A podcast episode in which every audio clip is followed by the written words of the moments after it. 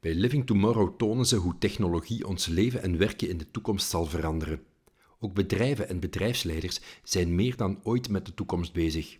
Joachim de Vos, stichter en gedelegeerd bestuurder van Tomorrow Lab, wint er geen doekjes om. En niet innovatie als een vrijdagmiddagactiviteit te gaan beschouwen. Wat veel te veel vandaag het geval is. Hè? Casual Friday noemen we dat dan. Dan denken we dat we innovatief zijn. De wereld verandert razendsnel. Bedrijven moeten zich voortdurend aanpassen aan nieuwe ontwikkelingen en de meeste organisaties hebben het lastig om met die onzekerheid om te gaan. En wat met je grote innovatieverhaal? Hoe ga je dit intern vertellen zonder dat iedereen gek wordt? Mijn naam is Raf Stevens. Welkom in de Story Club podcast met Joachim de Vos. Je weet, enerzijds is er Living Tomorrow, wat vroeger ooit het huis van de toekomst was. Daar tonen we innovatie. Dat doen we samen met veel bedrijven. We inspireren een heel pak mensen. Tomorrow Lab, die daaruit ontstaan is, komt tegemoet aan de vraag van bedrijven die zeggen: Het is wel allemaal leuk dat je mij inspireert, maar ik moet er nu wel mee aan de slag. Hoe ga ik dat doen? Innovatie zijn drie horizonten. Je hebt horizon 1, dat zijn eigenlijk zaken waar je zegt van ja, dat zit een bepaalde afstand vooruit, maar niet zo heel ver. En daar kunnen we ook niet mee wachten om dat effectief aan te pakken. Is Horizon 1. Daar heb je operators voor nodig. Mensen die de, de handen uit de mouwen kunnen steken. Die effectief ermee aan de slag gaan. Een tweede horizon, en dat is een zeer interessante, dat is de horizon van het netwerken. Dat is over het muurtje kijken, als bedrijfsleider, als, als bedrijf, als collega, als, als werknemer. Um, over het muurtje kijken en, en is durven in een andere sector of is met iemand te praten die eigenlijk helemaal niet in jouw comfortzone zit. Daar leer je ontzettend veel van. En dat, ja, wat heb je daarvoor nodig? Business building skills, network building skills. Dat is Horizon 2. En daaruit komen ook nieuwe ideeën, nieuwe conceptideeën, die je meestal op middellange termijn ook kan toepassen. Maar je hebt een andere insteek nodig. Heel vaak is het zo dat mensen in Horizon 1 dat niet kunnen. En dan heb je Horizon 3, wat een heel bijzondere is natuurlijk, want daar heb je bijna visionaire skills voor nodig. Dat zijn zaken waar je het bestaande kan loslaten. En het interessante is, iemand die niet verder dan Horizon 1 kan denken, ja, die heeft een probleem om Horizon 3 zeg maar daarin mee te kunnen. Die loopt erin vast. Uh, denk maar aan het hele verhaal van een Elon Musk, die zegt van uh, we're going to colonize Mars. Ik denk dat zo de helft van de businesswereld die man gek verklaarde. Uh, laat ons maar zeggen, bijna 90 procent. Vandaag is dat misschien al iets anders, omdat hij dan op de frontpagina's van Time Magazine en, en Fortune en zo staat. Maar um, er is iemand die duidelijk in Horizon 3 kan denken. En die dat ook vertaalt naar Horizon 2 en Horizon 1. Nu, voor elk van die drie horizons heb je andere approaches nodig. Heb je andere methodes nodig, heb je andere manieren van communicatie nodig in je bedrijf.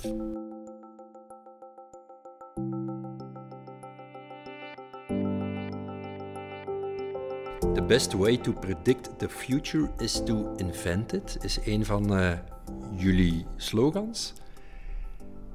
Kan je daar iets over zeggen? Wat bedoel bedoel je daarmee? The best way to predict the future is to invent it? De toekomst is eigenlijk iets die uh, heel moeilijk te vatten is. Hè. Niemand heeft een glazen bol. En je merkt dat als we over toekomst praten, praat je vooral over het onbekende. En dat is een risico. We zijn dat niet gewoon. We zoeken overal om zeg maar, die onbekendes te vertalen naar iets die we kennen. Dat vertaalt zich heel vaak in het extrapoleren zeg maar, van het verleden. En dat is wat bedrijven doen. Dat is wat leiders doen.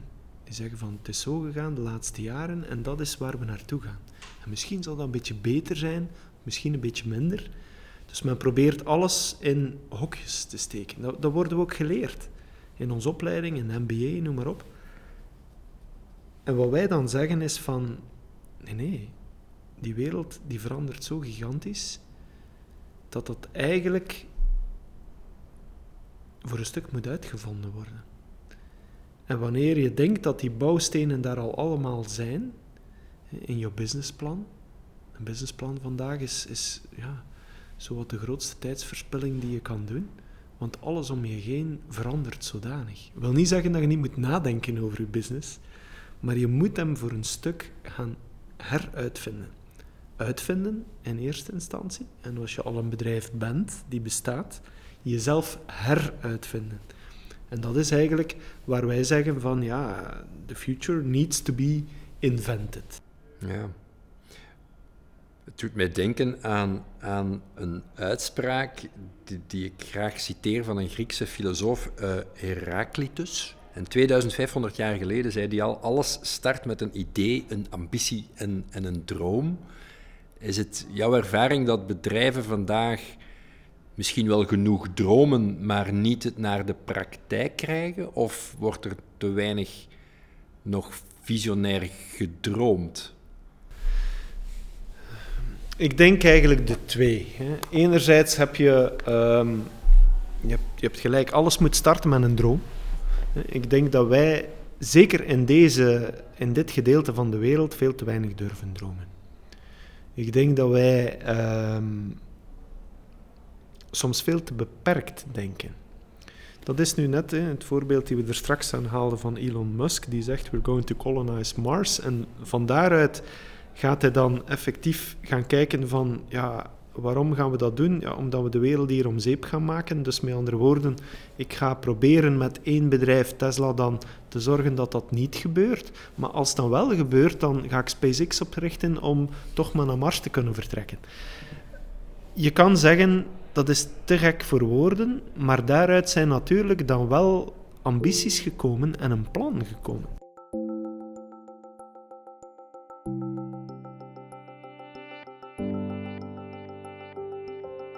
Ja, ja ik, heb, ik heb daar een ongelooflijke opportuniteit gehad. Dat was 16 maart 1995, I'll never forget. Dat was de uh, openingsdag van uh, Living Tomorrow. Pas op, ik was zelf 25 jaar, dus waren vrij jong.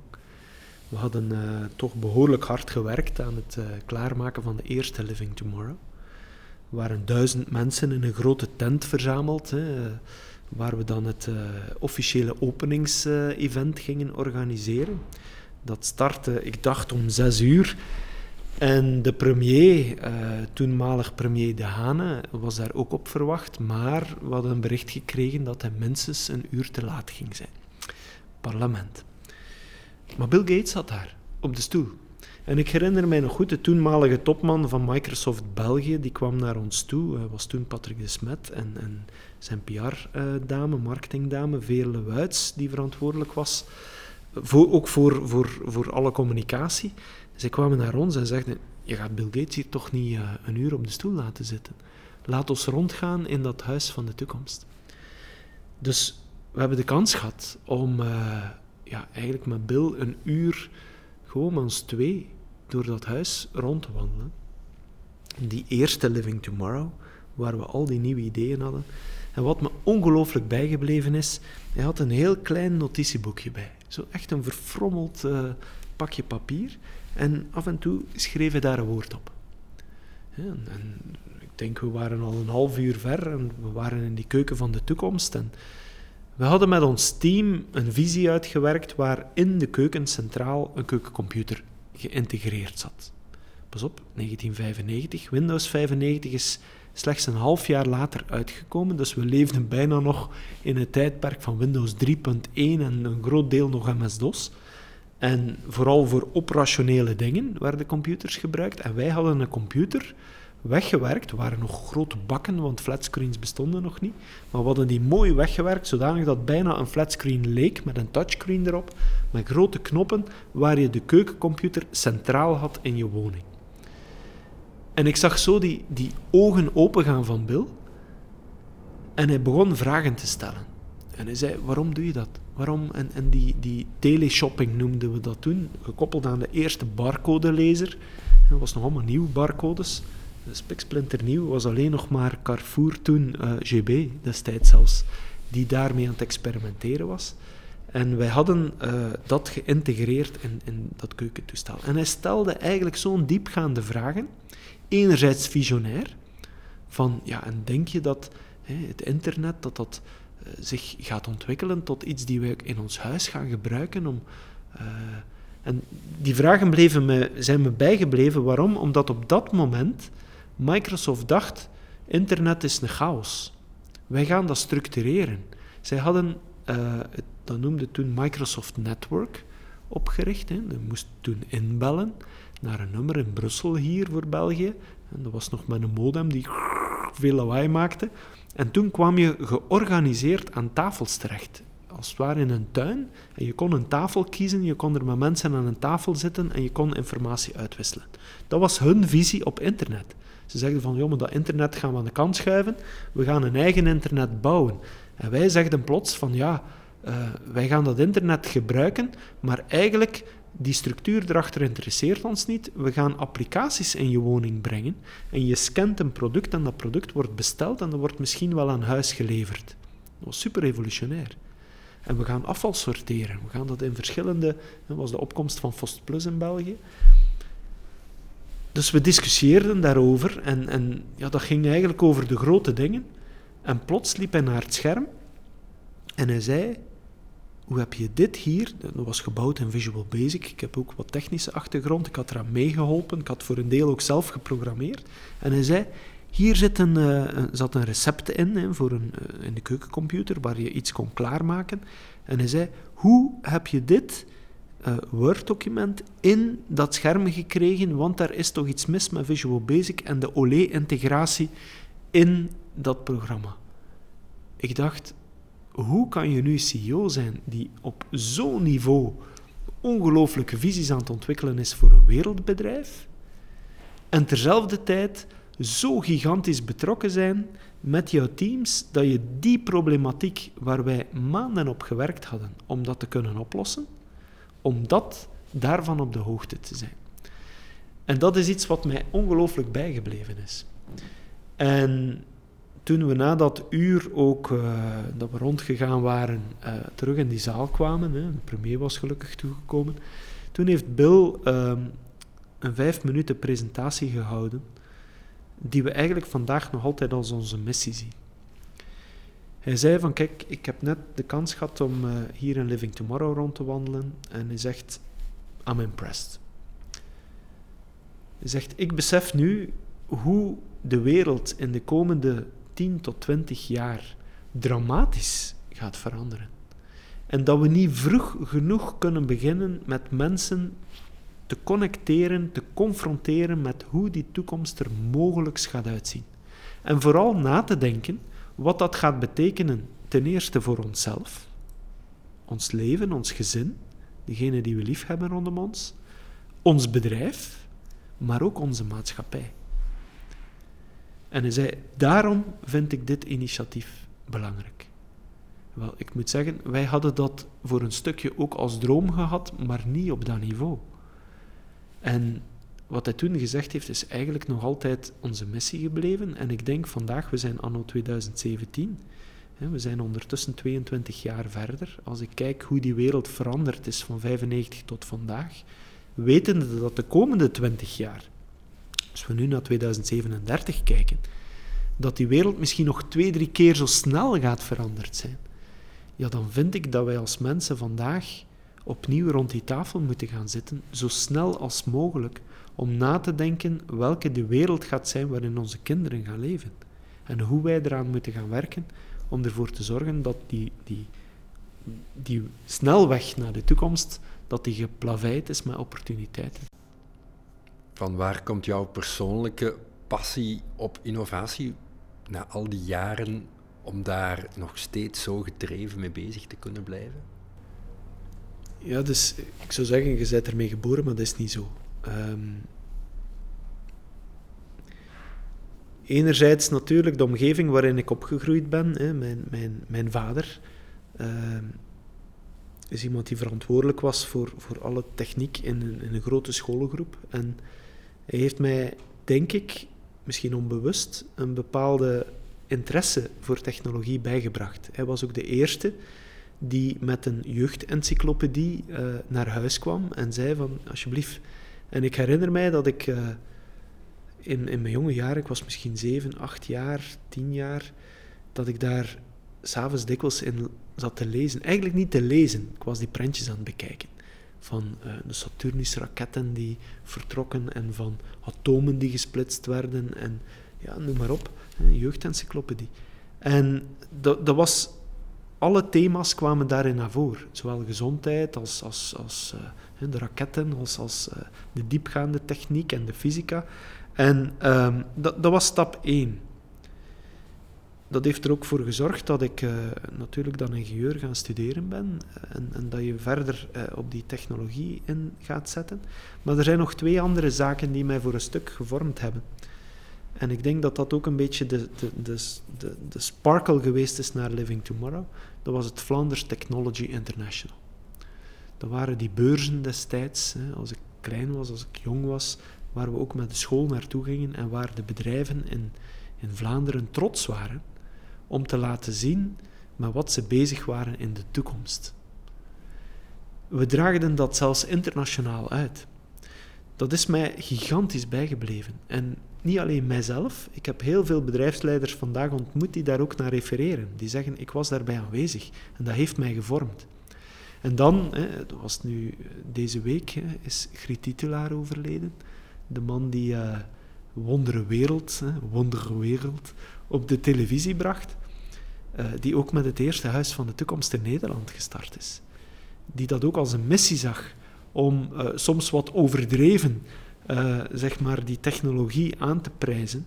Maar hij heeft iets losgemaakt in onze generatie. Hij heeft een passie daarin gelegd. Dus die drie dingen, mijn vader, Flanders Technology International, het Griet-titulaar Wondere Wereld verhaal, dat is iets wat in jou geplant wordt als je jong bent. Dus alles voordat ik mijn echte studiekeuze moest maken.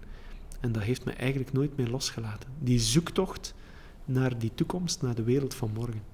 Ik, ik hoor ook een combinatie van de praktische ingenieur, maar toch ook de dromer. Ja, dat klopt. Ik denk, eenmaal je stopt met dromen. Steve, Steve Jobs heeft ooit gezegd, en ik ben het daar heel erg eh, mee eens als ik ooit opsta en ik doe de derde dag na elkaar iets tegen mijn zin, dan moet, moet ik ermee stoppen. En ik denk dat ik dat ook wel heb. Dat ik in die spiegel kijk morgens en zeg van, lastige dag vandaag, een dag waar ik tegenop zie. Dat moet. Er zijn bepaalde verantwoordelijkheden die je moet nemen, er zijn bepaalde gesprekken die je moet voeren, die je soms wel eens uitstelt, maar op een bepaald moment moet je eraan beginnen. Dat zijn de mindere dagen. Dat heeft iedere leider, iedereen.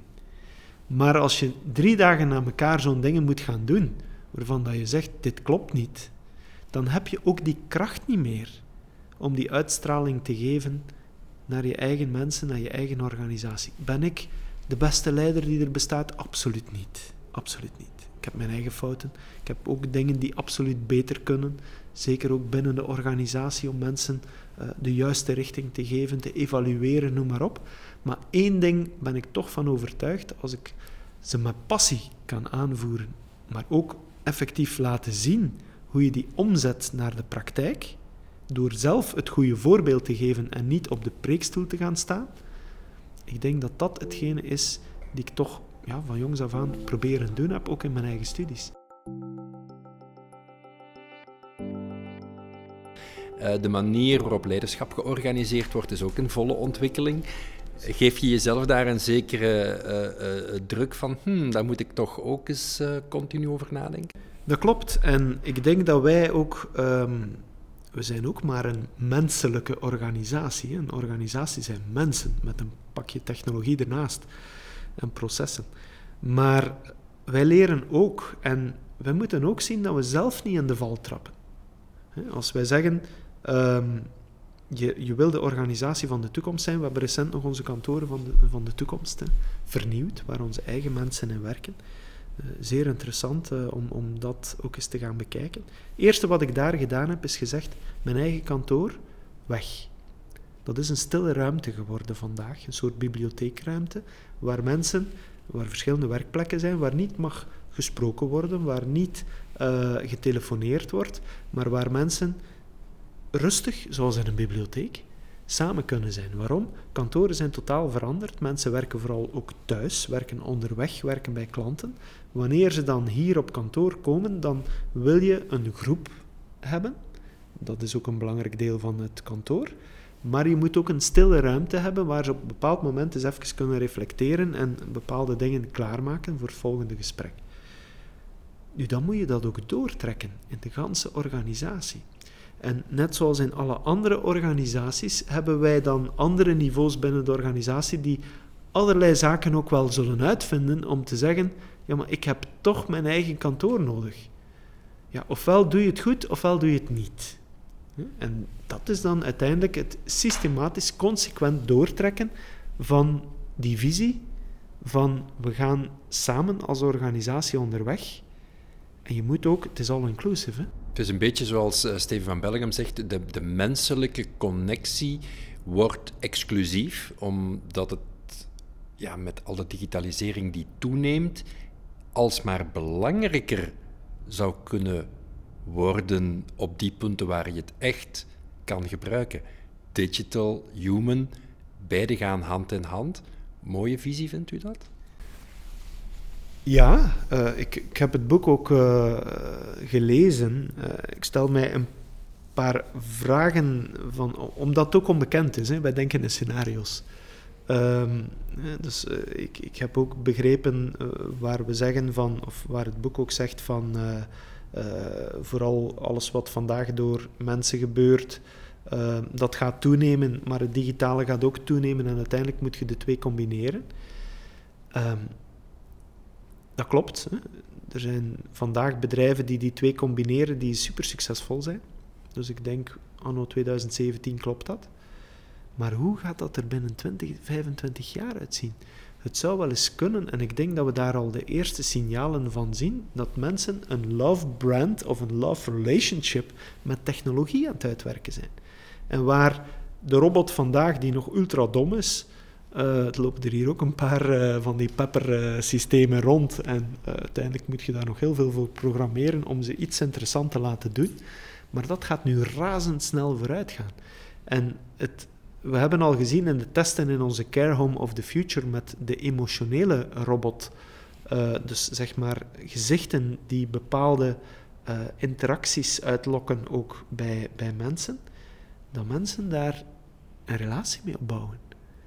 Dus ik ben niet zo 100% overtuigd dat het digitale en het menselijke, ik spreek dan wel over 20, 25 jaar, dat dat zomaar een evidentie zal zijn op succes.